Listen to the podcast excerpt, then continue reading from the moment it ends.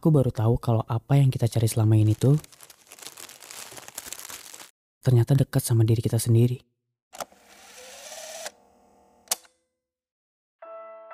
Tapi kadang hal dekat itu ketutupan sama sesuatu yang kita takutin. Iya, yeah. misalnya diri kita tahu maunya apa, tapi malah pilih jalan lain karena takut sesuatu yang kita mau gak bisa kasih kepuasan kayak jalan yang kita pilih, tapi bukan yang kita mau. Bingung gak? Oke gini.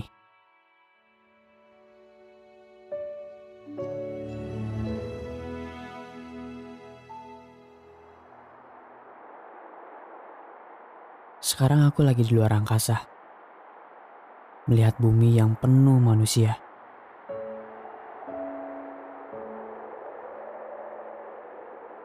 Di sana, aku lihat kamu. Lebih dari itu, aku lihat hati kamu. Hati kamu berteriak-teriak, minta sudahi apa yang sedang kamu jalani saat ini. Kenapa? Karena hati kamu tahu kalau itu bukan yang sebenarnya kamu mau. Dan aku melihatnya. Kamu masih sibuk lewatin jalan yang kamu pilih saat ini, sampai kamu lelah bingung, galau, overthinking. Tapi hati kamu tetap terang. Dan uniknya, kamu sadar bahwa hati kamu terang. Kamu tahu dan sadar kalau hati kamu selalu ingetin tentang mimpi yang selama ini kamu pengen perjuangin. Tapi, kamu ragu karena takut kalau mimpi itu gak bisa kasih kepuasan seperti yang saat ini kamu jalani.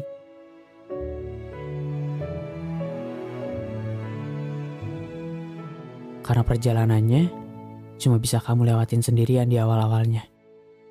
Gak seperti yang sedang kamu jalani saat ini. Semua terasa jelas, validasi kamu dapetin dari sekeliling kamu. Tapi jiwa, raga, dan pikiran kamu lelah karena ternyata semua cuma soal ekspektasi dan untuk dihargai orang lain. Dan iya, jalan yang kamu pilih bukan keputusan kamu sendiri, melainkan jalan yang paling benar kata orang lain. Dan hati kamu masih terang di sana. Menunggu kamu pulang. Pulang pada apa yang seharusnya kamu perjuangkan.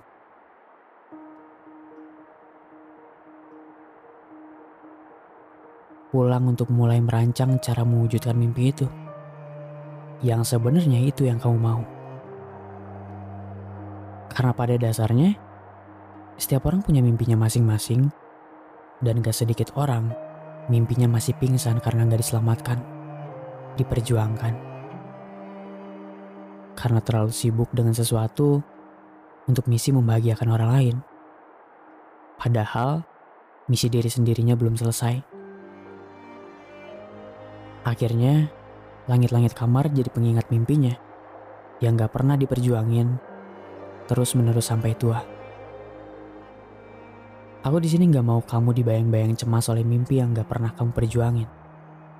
Maka, kalau diizinkan, aku akan turun ke bumi untuk ketemu kamu dan kasih tahu kalau hati kamu yang terang itu bisa meledak berwujud rasa penyesalan yang merusak perlahan pikiran dan perasaan kamu. Lalu akhirnya setelah rasa sakit itu muncul, kamu menyesal dan terlambat memperjuangkan. Karena energi kamu udah habis dengan kesibukan yang menutup mimpi kamu.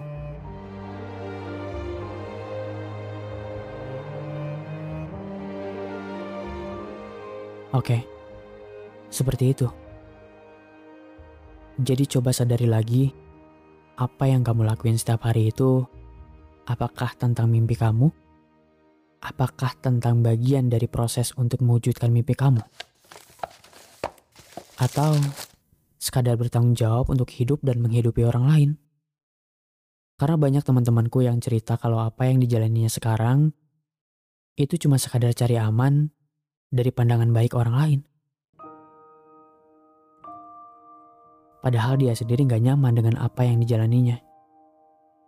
Tapi ini juga bukan tentang idealis. Karena semua mimpi itu layak diperjuangkan. Kalau memang hal yang kamu jalani saat ini bukan yang kamu ingini, maka harusnya kamu segera selamatkan terangnya mimpi kamu sebelum ia meledak. Menjadi molekul kecil berwujud penyesalan yang menyatu dalam diri kamu.